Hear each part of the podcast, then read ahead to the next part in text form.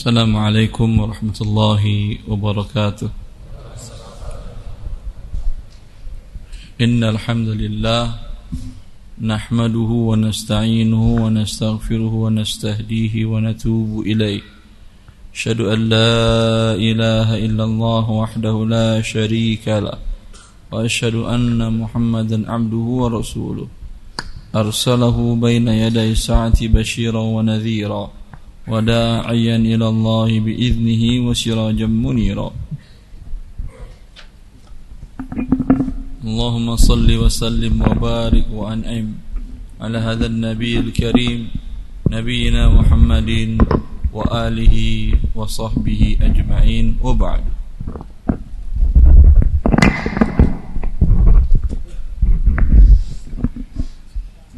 إخواني وأخواتي في الله Tema kita malam ini adalah membayar utang riba. Seperti itu. Melunasi utang riba. Beberapa pekan yang lalu saya ke Provinsi Yogyakarta dan qadar Allah di tengah-tengah kota tersebut saya melihat ada spanduk di depan salah satu bank konvensional atau bank ribawi milik negara BUMN. Ternyata di sana ada dalil-dalil yang dalil-dalil itu cocok untuk tema kita malam ini. Ditulis di depan bank itu. Besar-besar.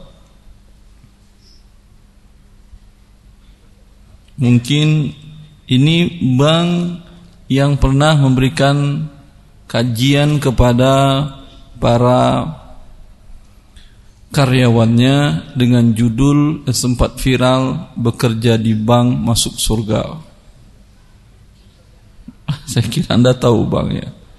Berapa waktu yang lalu kemudian saya melihat Masya Allah ini dalilnya bagus.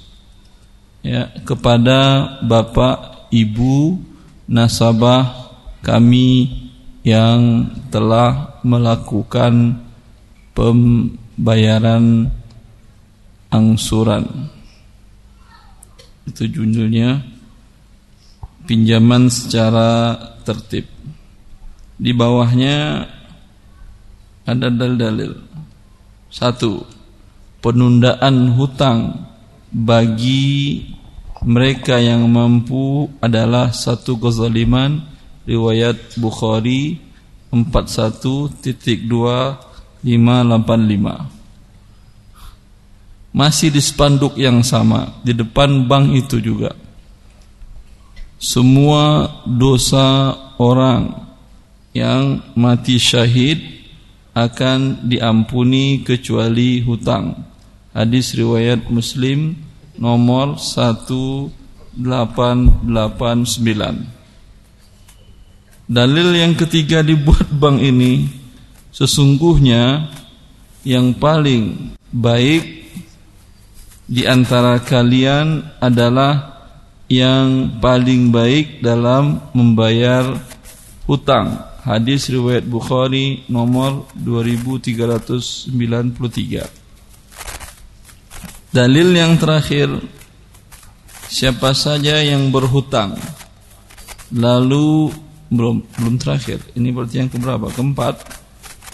Berniat. Siapa saja yang berhutang lalu berniat tidak mau melunasinya, maka dia akan bertemu Allah pada hari kiamat dalam keadaan status sebagai pencuri. Hadis riwayat Ibnu Majah nomor 2410. Dalil yang terakhir, ini yang terakhir. Dalil. Barang siapa mengambil atau menghutangi dan ia ingin melunasinya niscaya Allah akan melunaskan hutangnya dan barang siapa mengambil atau menghutang dengan keinginan untuk merugikannya atau tidak membayar niscaya Allah akan benar-benar membinasakannya. Hadis riwayat Al-Bukhari Fathul Bari nomor halaman sekian.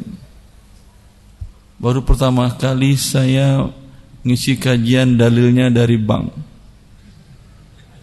saya tidak perlu mencari di maktabah Syamilah tapi sudah ada pernah saya foto waktu lewat di sebuah bank tersebut. Dalil yang beliau ungkapkan betul. Yang pokok utang kalau yang dia maksud bahwa pokok utang wajib dibayar itu betul. Baik secara tinjauan syar'i, secara logika dan hukum yang berlaku di mana pun di atas muka bumi Allah ini. Baik hukum kafir apalagi hukum muslim. Ya maka tidak ada. Seorang muslim terlanjur berbuat riba kemudian tidak bayar-bayar pokok hutangnya anda berdosa tetap. Betul yang dalil yang disampaikannya. Akan tetapi yang batil dalam akad tersebut adalah akad bunga ribanya yang pokoknya wajib anda bayar dan pun Allah mengatakan ini dalilnya kurang nanti kalau saya ke sana saya tambahkan. Sampingnya firman Allah fa in tubtum falakum ru'usu amwalikum la tazlimuna wa la tuzlamun. Kata Allah, bila kalian bertobat dari riba untuk kalian hanya pokok piutang kalian.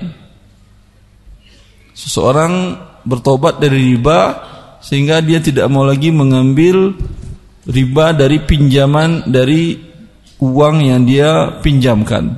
Maka kata Allah, jika kalian bertaubat, maka untuk kalian hanya pokok piutang kalian. La tazlimuna wa la tuzlamun. Ini firman Allah. Kalian yang melakukan riba dengan memberikan pinjaman ada dengan syarat ada pertambahan tidak boleh menzolimi. Artinya Anda pinjamkan 100 juta, ia kembali harus 100 juta. Tidak boleh Anda minta lebih dari itu atas nama bunga, atas nama apa pun juga. Wala tuzlamun dan juga tidak boleh kalian dizolimi. Ya, apa arti tidak boleh dizolimi? Kalau umpamanya gara-gara karena ada klausa riba dalam akad pinjaman tadi, kemudian orang yang berhutang tadi sama sekali tidak mengembalikan juga pokoknya. Ini maka tidak dibolehkan dalam syariat Allah Azza wa Jalla. Cuma menjadi masalah dan pertanyaan, apakah mereka mau hanya menerima pokoknya saja? Mau atau tidak? Kalau tidak mau jangan bayar bunganya. Tetap pokoknya wajib Anda bayar. Tetapi ada cara legal. Saya ada bekas murid dan sekalian teman juga. Beliau dosen FE di UI. Beliau mengatakan cara yang legal sebetulnya ada Ustaz. Yaitu transaksi atau akad perjanjian pinjaman yang menunsur riba tadi dibawa ke majlis ulama setempat. Kalau di Jakarta berarti Majelis Ulama Jakarta atau DSN MUI Pusat. Kan sudah ada fatwa DSN tahun 2012 kalau saya tidak salah yang menyatakan bahwasanya bunga riba hukumnya adalah haram. Lalu apa hubungannya saat emang mau bank itu ngikuti fatwa MUI? bukan ikutin fatwa MUI tapi mereka tunduk dengan hukum yang ada di negara ini walaupun bukan hukum Islam di KUHP nomor 1302 dijelaskan di sana bahwa setiap transaksi yang haram batal demi hukum. Sekarang yang menetapkan halal haram siapa? Rujukan yang dianggap di Indonesia adalah Majelis Ulama Indonesia dan mereka sudah menyatakan itu. Tinggal Anda bawa ke sana mereka paraf bahwa ini adalah hukumnya haram transaksinya maka kemudian Anda bawa ke OJK Otoritas Jasa Keuangan karena mereka yang bertanggung jawab terhadap bank-bank tersebut. Maka kemudian OJK mengeluarkan surat perintah kepada bank itu bahwa yang dibayar oleh nasabah hanya pokok hutang tanpa riba. Jadi yang dikatakan diusulkan oleh teman tersebut. Walhasil apa pun yang terjadi, lihatlah kondisi. Kalau pihak bank tadi umpamanya ya dengan aturan yang Anda lakukan tadi dengan langkah-langkah yang Anda lakukan tadi memungkinkan bagi Anda Alhamdulillah ini yang terbaik karena Anda berada di bawah payung hukum dilindungi oleh negara hak Anda bila tidak karena Anda pikir terlalu repot ke sana kemari ke sana kemari sebetulnya juga nggak repot karena MUI ada kan di setiap provinsi bahkan sekarang di setiap kecamatan kan ada juga iya atau tidak kalau OJK ada kan di setiap provinsi dan kota Madia dan kabupaten kan ada. Mereka yang mengatur bank-bank tadi. Maka mereka memerintahkan sehingga bank tadi hanya meminta pokoknya saja. Ini dikatakan oleh Allah Azza wa Jalla.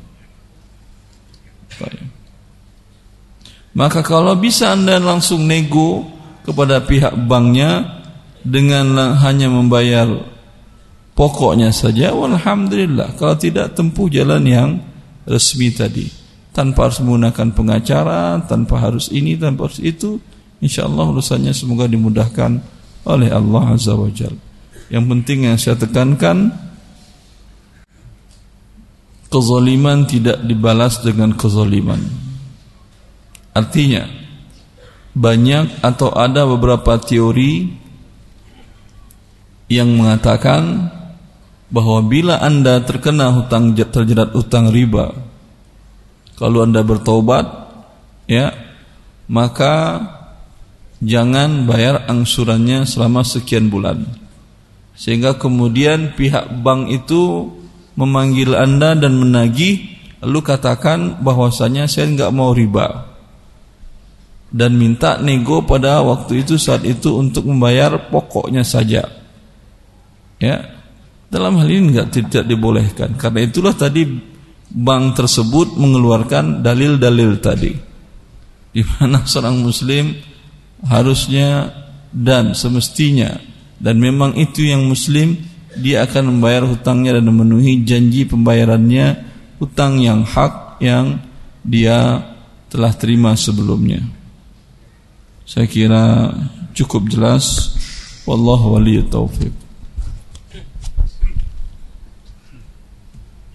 Sebelum dibacakan pertanyaan yang pertama, ini ada pengumuman pemilik kendaraan Livina BM 1944 QK. Sekali lagi Livina BM 1944 QK tolong dipindahkan parkirnya karena menghalangi jalan. Livina BM 1944 QK. Tolong uh, Bapak Ibu pemilik kendaraan ini untuk memindahkannya karena saat ini parkirnya menghalangi jalan. Syukron. Pertanyaan pertama, Assalamualaikum warahmatullahi wabarakatuh Ustaz. Assalamualaikum warahmatullahi wabarakatuh. Saya punya hutang riba lebih kurang lima tahun yang lalu. Sampai sekarang belum lunas. Alhamdulillah dua tahun ini saya sudah hijrah. Bagaimana cara melunasinya? Aset sudah habis, usaha sekarang tidak memadai untuk melunasinya. Syukran. Ini pertanyaan seperti ini nggak ada yang bisa jawab. Ya hanya bisa jawab Allah Azza wa Jal. Anda langsung meminta kepada Allah di waktu-waktu yang mustajab agar Anda membayarkan hutang Anda. Di pagi dan petang berdoa seperti Rasulullah sallallahu alaihi wasallam mengajarkan kepada Abu Umamah doa yang beliau baca setiap pagi tiga kali pagi dan tiga kali sore sehingga Allah faqadallahu daini sehingga dia mengatakan lalu Allah membayar hutangku Assalamualaikum warahmatullahi wabarakatuh. Assalamualaikum warahmatullahi wabarakatuh. Pada akhir tahun 2016 lalu sebelum pensiun dari PNS ASN Pemprov Riau, saya ditawari kredit dari bank dengan bunga 1,6 persen sebulan. Akhirnya saya terima kredit tersebut sejumlah 110 juta rupiah dengan cicilan sebesar 2,3 juta per bulan untuk jangka waktu 10 tahun terhitung Januari 2017. Saya mendapatkan pemahaman yang benar tentang kredit bank konvensional itu riba setelah saya hijrah pada awal tahun 2017. Setelah saya mengikuti kajian sunnah, menonton TV, mendengar radio dan membaca media sosial, saya mohon ampun kepada Allah dan bertobat atas semua dosa saya. Setiap kali saya mendengar pembahasan tentang ancaman pelaku riba, saya gelisah dan terkadang menangis menyesalinya. Pertanyaan saya, apa yang mesti saya lakukan terhadap kredit riba saya yang masih belum yang masih tersisa 8 tahun lagi? Wal syukron. Wallahu taufik. Seperti yang saya katakan sebelumnya, apa yang Anda sampaikan di sini sampaikan di waktu-waktu yang mustajab langsung kepada pemilik langit dan bumi. Bagi Allah antara kaf dan nun tidak ada huruf perantaranya. Allah mengatakan kun langsung semua kesulitan Anda tadi diselesaikan oleh Allah Azza wa Jal. Jangan pernah berkata seperti yang saya ingatkan tadi, masa hanya cuma berdoa hutang saya miliaran Ustaz, ratusan juta Ustaz. Kalau Allah inginkan satu tiang atau seluruh tiang ini jadi emas, kun kata Allah jadi emas. Silakan Anda apotek di sana 2 kilo, kebayar hutang Anda 1,2 miliar sudah. Tapi boleh kalau jadi emas kita potek bagi-bagi. Khusus bagi yang berhutang tadi saya izinkan.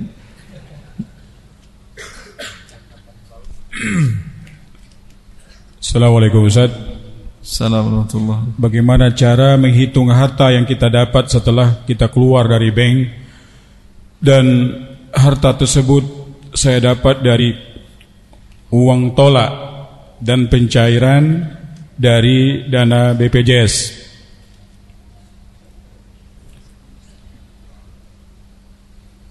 Kayaknya anda tunda ini Ustaz, agak berat membacanya Ustaz. Ada yang sudah standby untuk bertanya langsung silakan. Assalamualaikum. Assalamualaikum Ustaz. Assalamualaikum Ustaz, saya mau nanya sekitar 3 atau 4 tahun lalu Empat tahun yang lalu uh, ada yang berhutangan saya. Anda memberikan piutang kepada seseorang. Iya, nah dia itu hutang satu juta. Ya. Nah, hutang satu juta tuh dia gadekan HP. Dia nah, gadekan HP. HP. Nah, dia jangka waktunya berapa hari? Dia mendesak dibilangnya kan. Nah, di setelah beberapa hari nggak ada, seminggu nggak ada, sebulan nggak ada, itu dia tiba-tiba muncul nagih uh, HP-nya aja mau bayar hutang ya saya silahkan gitu kan rupanya dia minta HP uh, eh, dia dia menggadaikan lagi uh, dengan jam dan saya nggak tahu harga jam itu berapa dan sampai sekarang saya nggak menerima itu Kapan? dia masih berutang sampai sekarang ah tapi dan tangan anda jam dengan, uh, HP itu masih dengan saya dan sekarang HP itu saya kasih ke orang saya sedekahkan Nah itu saya salah tidak Ustaz? Anda sedekahkan dinilai berapa harganya. Kalau harga satu juta sudah lunas berarti Alhamdulillah. Pada saat Anda sedekahkan itu, tanya ke tukang handphone second, handphone merek sekian, pada tahun sekian, tanggal sekian saya dengan kondisi bagus itu berapa harganya. Kalau dia katakan sejuta seratus berarti Anda berutang seratus ribu ke dia. Kalau harganya sejuta lunas. Kalau harganya 800 ketika dia datang minta HP ambil 200 ribu bilang HP-nya sudah saya hadiahkan sehingga hutangmu tinggal 200 ribu. Satu lagi pertanyaan Ustadz. uh, istri didaftarkan dari sebelum menikah itu asuransi oleh mertua. Nah istri sudah menjelaskan ke mertua bahwasanya dia nggak mau lanjutkan asuransi tersebut meski yang membayar mertua sampai saat ini dan istri tidak pernah memakai fasilitas asuransi tersebut. Asuransi apa? Kesehatan atau Eh, jiwa atau asuransi apa? kesehatan. Ah, asuransi selain BPJS. Iya, selain BPJS itu asuransi lupa apa nama asuransinya. Ya udah, terus. Nah, itu apakah istri masih terlibat riba? Sampai sekarang istri itu cemas mau bertanya dengan Ustadz belum dapat dapat giliran terus. Nah, saya mewakili sebagai suami. Masya Allah. Sebagai suami biar kecemasan istri dan saya juga kan sebagai suami tanggung jawab nanti di akhirat. Apabila Ya, itu dosa istri apa itu termasuk riba istri terlibat Ustaz? Alhamdulillah Anda suami yang sayang istri. Semoga Anda dengan istri dikumpulkan Allah Di jannahnya Dan kita semua juga Di Firdausil A'la insyaAllah ta'ala. Allahumma amin. Ya. Sudah ya Mas? Sudah Mas? Nah, dulu belum Mas. Saya, belum saya jawab. Belum dijawab. Biarkan dulu berdiri Siapa tahu nanti ada yang pertanyaan jadi gimana Ustaz? Ya saya jawab sebentar. Seorang istri tentu juga sayang dengan bapaknya Dengan orang tuanya. Dia tentu tidak nyaman kalau masuk surga bareng suaminya saja Tapi bapaknya nggak ikut juga ke surga. Ya Maka apa yang dia lakukan oleh istri anda sangat bagus.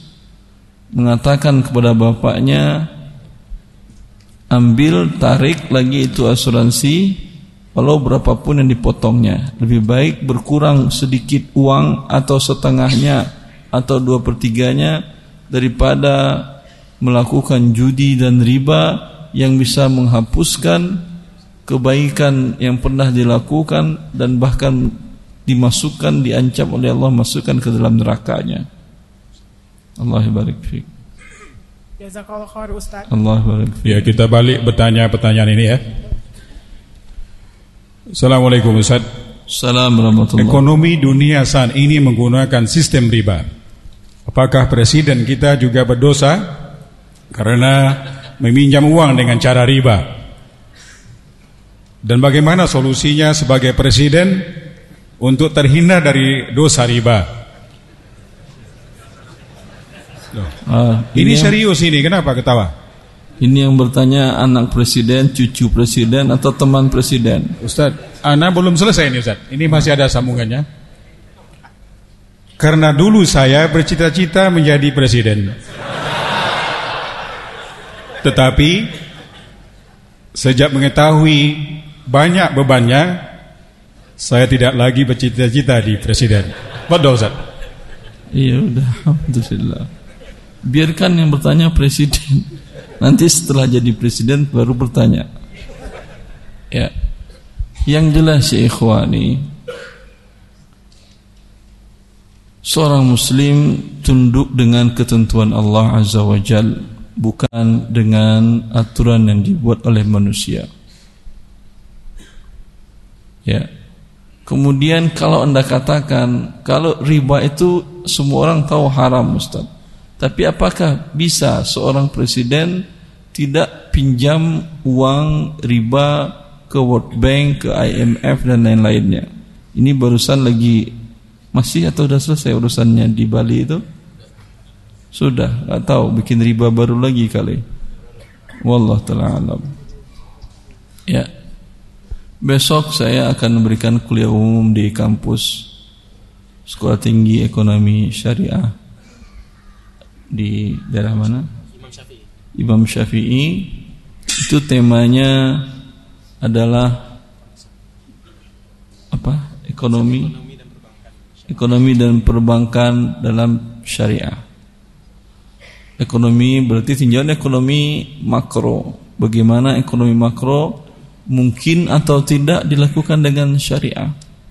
Ya akhi, Rasulullah sallallahu alaihi wasallam dan para sahabatnya dan para tabi'in tabi'in pada khilafah setelah generasi sahabat menguasai sepertiga permukaan bumi di waktu itu.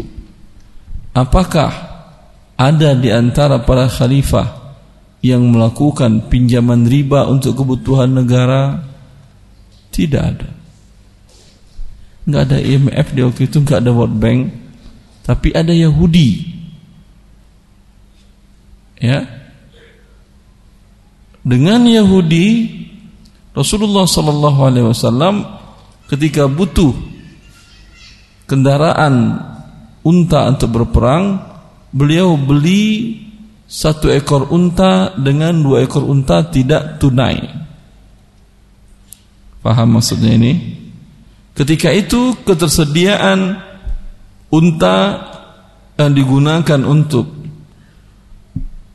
transportasi menuju tempat peperangan melawan musuh yang menghadang gerakan kaum muslimin dan penyebaran kaum muslimin dan menghalang syariat Allah di atas muka bumi ini ketersediaan kendaraan perang tidak cukup maka apa yang dilakukan Rasulullah? Rasulullah SAW tidak pinjam. Rasulullah SAW beli. Dibeli satu dengan dua bayarnya nanti. Satu unta dengan dua unta dibayar nanti ketika dapat rampasan perang atau ada yang bayar zakat. Jelas? Riba ini tukar satu unta dengan dua unta riba atau tidak kalau riba nggak mungkin Rasulullah bikin riba ini karena unta hewan bukan komoditas riba. Maka ditukar dengan sama jenis tidak sama volumenya, tidak sama angkanya, tidak sama beratnya dan tidak tunai hukumnya boleh. Tapi kalau tadi emas ditukar dengan emas itu harus tunai dan harus sama. Maka tidak bisa satu kilo emas terima sekarang dibayar dengan dua kilo emas nanti setelah waktu tertentu. Faham ini? Taib. Ya, mungkin satu pertanyaan menjelang Isya Ustaz. Isya pukul 7.17. Assalamualaikum warahmatullahi wabarakatuh Ustaz. Anda punya hutang riba di bank, Qadarullah sudah menunggak sekitar 4 tahun. Dua tahun belakang ini pihak bank tidak pernah lagi menghubungi Ana. Padahal Ana tidak tidak ganti nomor HP. Pinjaman Ana waktu itu tanpa agunan. Apakah ada kemungkinan hutang Ana sudah dihapus oleh bank? Ana belum berani menghubungi mereka karena Ana belum punya dana untuk membayar. Mohon nasihatnya Ustaz. Jazakallahu khairan. Nasihatnya selalulah meminta kepada Allah Azza wa Jal agar memudahkan anda dalam menyelesaikan hutang anda ketika anda memiliki kemampuan untuk membayar kehubungin mereka dan bayar pokok hutangnya saja. Masih bisa lagi Ustaz? Assalamualaikum Ustaz. Bagaimana hukum kita memindahkan KPR kita ke bank syariah?